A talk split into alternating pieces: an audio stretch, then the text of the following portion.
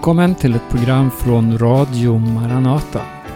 Vi ska i det här programmet lyssna till Hans Lindelöv. Först en väckelsesång.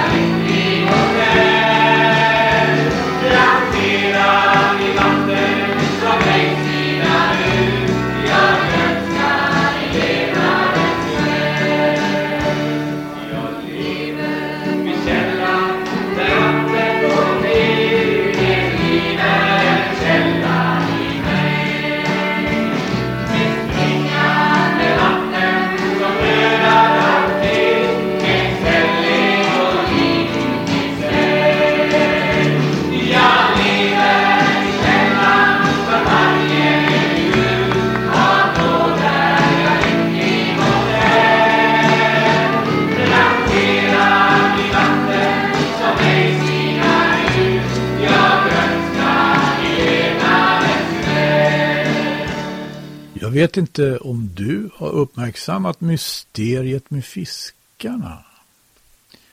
Jag ska läsa några bibelord och så ska jag försöka ringa in det hela. Vi kan börja med Matteusevangeliets fjärde kapitel. Vi kan läsa där att Jesus kommer gående och det är alldeles i början av hans verksamhet. Jag läser från vers 18. Då han nu vandrade ut med Galileiska sjön fick han se två bröder, Simon som kallas Petrus och Andreas hans bror kasta ut nät i sjön.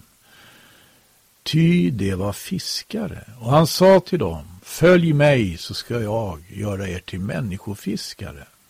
Strax lämnade de näten och följde honom.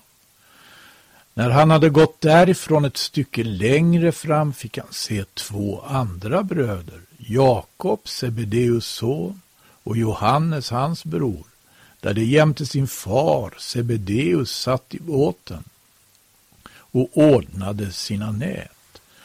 Och han kallade dem till sig. Och strax lämnade de båten och sin far och följde honom. Matteus evangeliums fjärde kapitel vers 18 till och med 22. Han sa, jag ska göra er till människofiskare. Han skulle göra fiskarna till människofiskare. De hade hittills fiskat fisk, men nu skulle de fiska människor. Och Jesus undervisade här fyra tillsammans med ytterligare några män. Det blir tolv lärjungar som han särskilt kallar. Och när han har fört dem hela den väg som han ämnade gå med dem, så kunde de inte släppa honom. De förstod ibland väldigt lite vart han var på väg, men de hörde honom och såg vilka stora ting som han gjorde, och de kunde inte släppa honom. Det är sant, en blev en förrädare, men elva trogna apostlar stod där på pingstdagen i Jerusalem. Efter att Jesus hade blivit avrättad som en förbrytare på ett kors och Gud hade uppväckt honom från de döda. Och han hade sedan farit upp till himmelen för att sätta sig på Guds högra sida.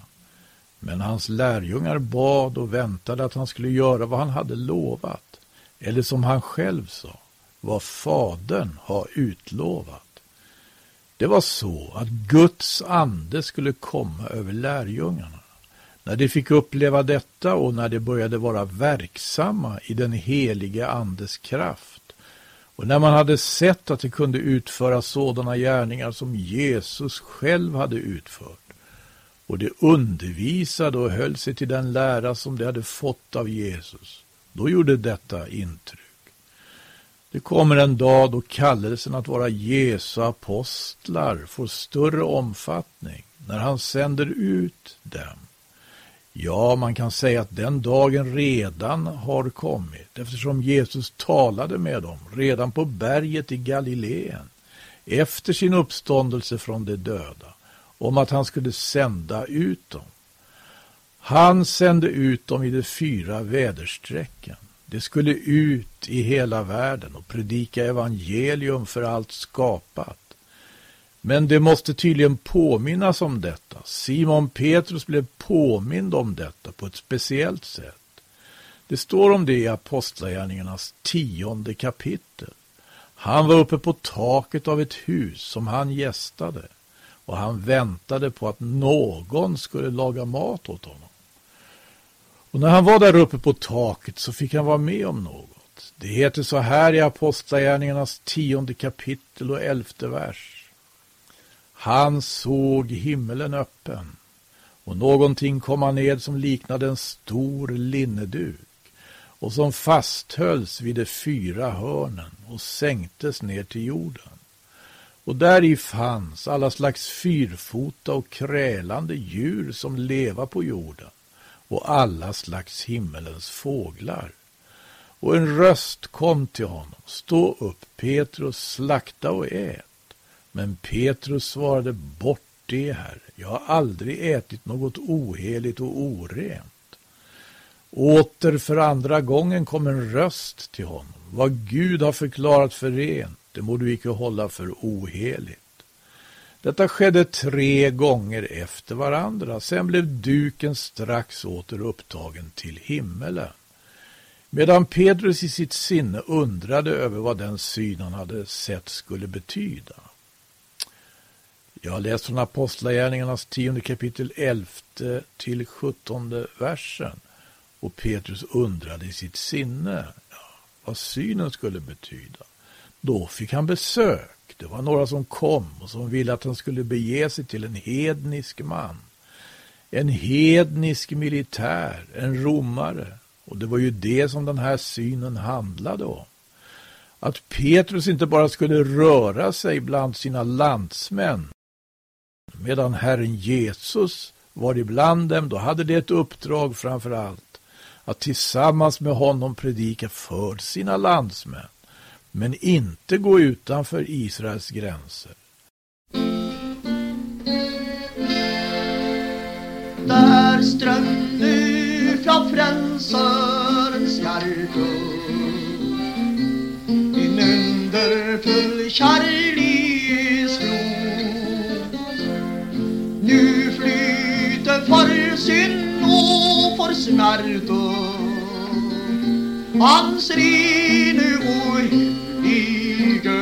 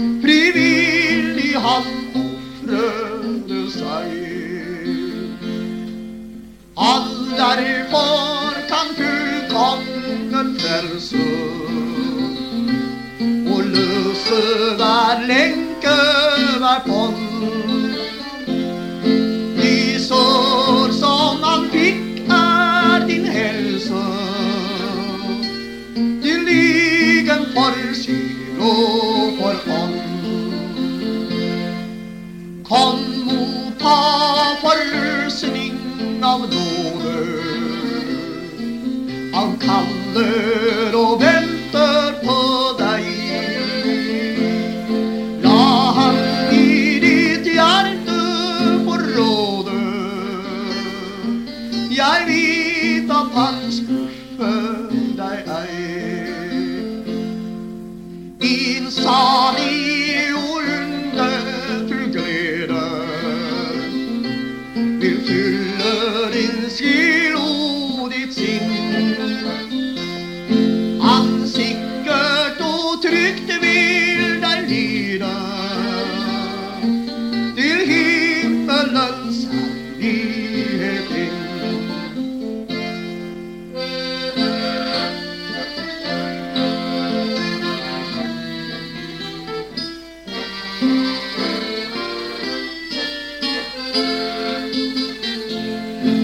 I sår som han fick är din hälsa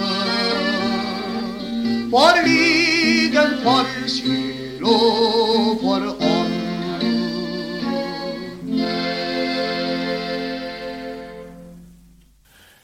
Till exempel, det kom en gång en kvinna som inte var från Israel. Hon var inte judinna. Hon kom till Jesus och ville få hjälp med en sak. Och fick det svaret då att jag är inte utsänd till andra än till de förlorade fåren av Israels hus. Det var vad Jesus sa enligt Matteus evangeliets 15 kapitel och vers 24. Och så var det, så länge han var ibland sina lärjungar i fysisk gestalt, så sträckte verksamheten sig inte längre. Men efter hans död och uppståndelse, då skulle verksamheten nå ut till hela världen. Och det var detta som Simon Petrus blev påmind om genom den ovannämnda synen. Den synen var märklig. Om man jämför den erfarenheten med vad som skedde i början på stranden av Galileiska sjön, där Jesus talade om att det skulle bli människofiskare. Då undrar man ju förstås vad det var meningen att Petrus skulle bli nu. Vad betyder detta? Stå upp Petrus, slakta och ät. Liksom när det talades om människofiskare, så talas det nu om djur som jämförs med människor. Skulle Petrus bli en jägare? Skulle han bli en slaktare? Vad var det Petrus fick se? Det står så här. Där i, i duken, fanns alla slags fyrfota och krälande djur som leva på jorden och alla slags himmelens fåglar. Alla slags fyrfota djur. Fyrfota djur, det kan ju vara både boskapsdjur och vilda djur. Där fanns krälande djur också och alla slags himmelens fåglar. Men där fanns inga fiskar. Här kommer vi till mysteriet med fiskarna. Duken som kom ner ovanifrån, i den fanns inga fiskar. Var det inte aktuellt längre att fiska människor? Skulle Petrus istället börja jaga människor? Var inte kallelsen att bli människofiskare något som det skulle ta med sig ut till nationerna? Ja, jag är lite fundersam på hur den saken ska uppfattas. Fiskar gör man ju på ett sätt, då använder man fiskredskap. Jagar gör man på ett annat sätt, då använder man jaktredskap. Man kan fiska, man kan meta, man kan kasta ut en krok. Man kan jaga, man kan använda pil och båge, man kan skjuta en pil. Men Jesu lärjungar skulle inte döda människor. De skulle inte jaga människor. De blev själva jagade av människor när de trädde fram med sitt budskap. De blev jagade, förföljda, satta i fängelse och även dödade. Jesu lärjungar skulle inte döda människor, men att Petrus fick uppmaningen att slakta och äta, det var en bild som talade om hur de skulle fånga människor som själva redan hade blivit fångade. Och det var en grym fångenskap som människorna måste komma ur. De måste komma ur fångenskapen under synden. Den heliga ande använder det här radikala språket. Stå upp Petrus, slakta och ät.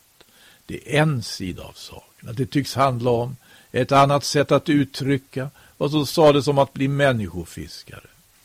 Den verksamheten lyfts nu upp på ett annat plan och fick en större omfattning. Men det handlar också om själva födan. Att umgås med hedningar innebär att äta hedningarnas mat. Vi ser hur Petrus reagerar. Han blir förskräckt när han tänker att han ska äta av allt det som finns i duken. Han var tillräckligt mycket fostrad i Mose lag för att förstå att det var skillnad på rena djur och orena djur. Det var skillnad på rena fåglar och orena fåglar. Och han såg att det fanns en väldig massa orena djur och orena fåglar i duken. Och det skulle han som var jude inte äta. Mose hade stadgat att han inte skulle det. Men nu får han höra. Ät! Det handlar om själva umgänget med människor som inte var judar. Och att överhuvudtaget så hade lärjungarna ett budskap till syndare. När Petrus så småningom på grund av den här synen och på grund av att han blev bjuden hem till romaren Cornelius, som var den som hade sänt några att hämta honom. När han kommer hem till honom så är detta det första han säger, då han kliver över tröskeln. Vi ska se hur han uttrycker sig i Apostlagärningarnas tionde kapitel, den 28 versen. Han säger, ni vet själva att det är en judisk man förbjudet att ha något umgänge med en utlänning eller att besöka en sådan. Men mig har Gud lärt att icke räkna någon människa för ohelig eller oren. Och att detta umgänge var förbjudet, det handlar bland annat om födan. Att det som serverades i hedningarnas hem många gånger var sånt som judarna enligt Mose lag inte hade tillåtelse att äta.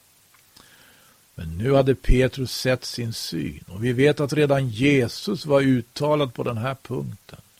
Vi kan läsa i Markus evangeliets sjunde kapitel och den nittonde versen hur han förklarade all mat för ren. Detta var ju något oerhört. Men här har det den betydelsen att det inte skulle finnas något hinder att bege sig till hedningarna, till romare, greker, asiater med flera och predika evangelium. Den Jesus som kallade lärjungarna att bli människofiskare, han hade blivit ersatt i visst avseende eftersom det hade kommit en annan hjälpare den helige Ande, som undervisade om samma saker som Jesus hade undervisat om. Och det är han som säger till Simon Petrus, stå upp Petrus, slakta och ät. Dels handlar det om att överhuvudtaget fånga in djuren, men också om att äta det som Mose hade sagt att man inte skulle äta. Nu gäller något annat. Herren Jesus har förklarat all mat för ren och den helige ande har understrukit detta. Så det är något med fiskarna här. Det börjar med fiskar och så fortsätter det med fyrfota djur, krälande djur och alla slags himmelens fåglar. Låter nästan som utvecklingsläran. Kan det vara så? Jag hävdar inte bestämt, men jag undrar om fiskarna är en bild på det judiska folket, medan de andra djuren i Petrus syn i Apostlagärningarnas tionde kapitel blir en bild på andra nationer. Han sa ju först medan verksamheten var begränsad till landet Israel att det skulle bli människofiskare. Men i Apostlagärningarna gäller inte den begränsningen och det finns inga fiskar i duken som Petrus ser. Vad är det för särskilt med fiskarna? När vi läser om Noa i Första Mosebok så finner vi att Noa fick uppdraget av Gud att bygga en ark. Det var när Gud ville sända floden som skulle förgöra allt kött som rörde sig på jorden. Det var den stora floden som översvämmade hela världen på den tiden därför att jorden hade uppfyllts med våld. Noa gjorde som Herren hade sagt. Floden kom och alla, alla, alla, både människor och djur som inte var inne i arken, drunknade. Men knappast fiskarna. Vattnet var för fiskarna ett naturligt element och hotade inte på något vis deras existens. Det förgicks inte när floden kom. Det gjorde däremot alla varelser på land och alla fåglar också. Fåglarna kunde inte vila sig någonstans eftersom vattnet steg sju och en halv meter över bergen. Allt som fanns på det torra omkom, står det i första Moseboks sjunde kapitel och 22 vers.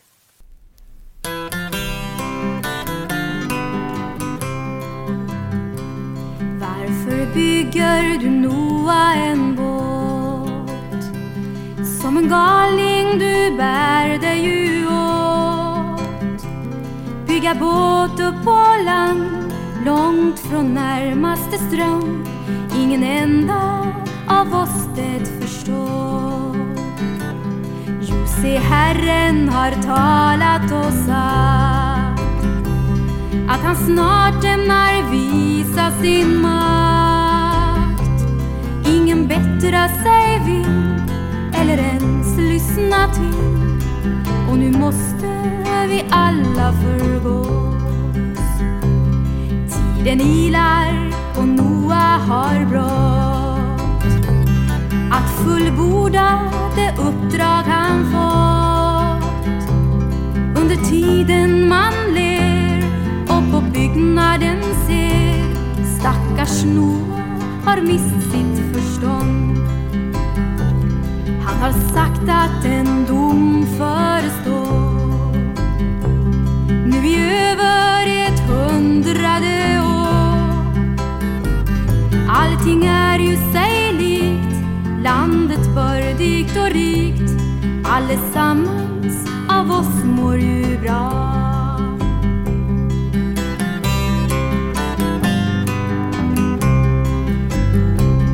Men en dag börjar stormvinden mörknande sky. Nu ses Noa gå in ut i byggnaden sin Jehova sluter dörren själv till. Man dock skämtar och ler liksom förr om man rycker i gudsmannens dörr. Noa kom till oss ut, detta regn tar nog slut. Ingen segeltur får du ännu. Himlens fönster dock öppnas allt mer. Regnet strömmar ifrån skyarna ner. Månne Noa haft rätt är väl detta det sätt varpå alla vi måste förgås. Svaret kommer från allmaktens Gud. Jag har sänt eder Noa med bud. Men i viljen ej då gamle Noa förstå och nu har ni ert syndamått full. Arken seglar så mäktig och på vågornas rygg. Den som bor där uti trygg och säker kan bli tills den stannar på Araratsberg.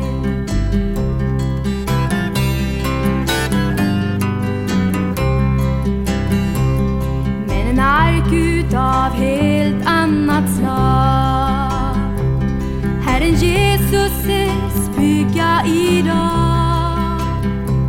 Tvivlar du eller tror på dig själv? Det beror om i djupet du hamnar en dag. Än är dörren till arken ej stängd för den larmande tanklösa mängd. Men en dag blir för sent fast du det aldrig Dörren stänges för evigt av Gud När Jesus inledde sin verksamhet så hade innan dess Johannes döparen framträtt. Och Johannes döparen sa så här. Jag döper er med vatten, men den som kommer, som, den som kommer, han är starkare än jag. Den vilken skorem jag icke är värdig att upplösa. Han ska döpa er i helig ande och eld. Detta enligt Lukas kapitel 3 och vers 16. Ett dop i helig ande och eld, det tillhör det verk som Gud har gjort för oss. Det som Gud har berett. Det tillhör den frälsning som Gud har berett genom att sända Jesus enligt de löften som Israels profeter hade framburit. Jesus Kristus kommer med ett dop i helig ande och eld enligt profeten Johannes.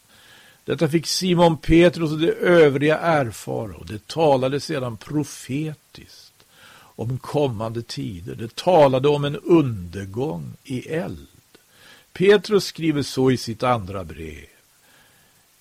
Jag läser. Men Herrens dag ska komma såsom en tjuv och då ska himlarna med dånande hast förgås och himlakropparna upplösas av hetta och jorden och det verk som är därpå brännas upp. Eftersom nu allt detta sålunda går till sin upplösning, hurudana bör inte ni då vara i helig vandel och gudsfruktan, medan ni förbidar och påskyndar Guds dags tillkommelse, varigenom himlar ska upplösas av eld och himlakroppar smälta av hetta. Men nya himlar och en ny jord, där rättfärdighet bor, förbida vi efter hans löfte. Det är från andra Petrus brev, kapitel 3, verserna 10 till och med 13. Herren, Herrens dag ska uppenbaras i eld, vilket också aposteln Paulus skriver till Thessalonikerna om. Det heter, när Herren Jesus uppenbarar sig från himmelen med sin makts änglar i lågande eld och låter straffet drabba dem som icke känna Gud och dem som icke är vår Herre Jesu evangelium lydiga. Andra Thessalonikerbrevets första kapitel, verserna 7 och 8. Vi tänker på fiskarna. Vattnet var för dem ett naturligt element att röra sig. Därför kunde inte floden dränka fiskarna. Och det som har kommit till tro på Jesus Kristus och fått erfara den tillkommande tidsålderns krafter. För de har helig ande och eld blivit ett naturligt element att röra sig i. Och om de tre männen i den brinnande ugnen i Daniels tredje kapitel, Daniels bokens tredje kapitel, är ett tecken på vad det innebär, så kommer ingen eld att kunna förtära dessa människor. På ett motsvarande vis som fiskarna undkom flodens förödelse så kommer Guds församling undan vredesdomens eldsflod. Den, den, kan vi också läsa om i Danielsbokens sjunde kapitel, vers 10. Där det står att en flod av eld ska utgå från den gamla av dagar och i den ska vilddjuren förgås. Jag tror att den tid vi lever i är en tid och detta måste betonas. Allting går mot sin upplösning men det finns ett hopp. Det här blev några ord om Guds frälsningsplan. Den som har öra han hör. Och så ska vi pröva allt och behålla vad gott är. Gud välsigne var och en som gör det. Det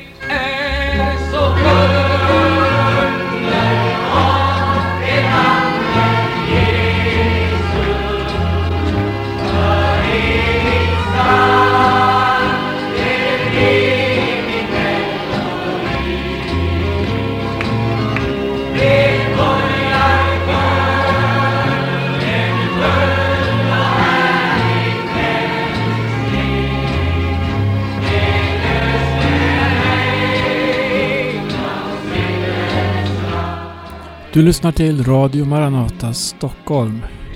I det här programmet har vi hört Hans Lindelöf tala. Gud välsigne var och en på återhörande.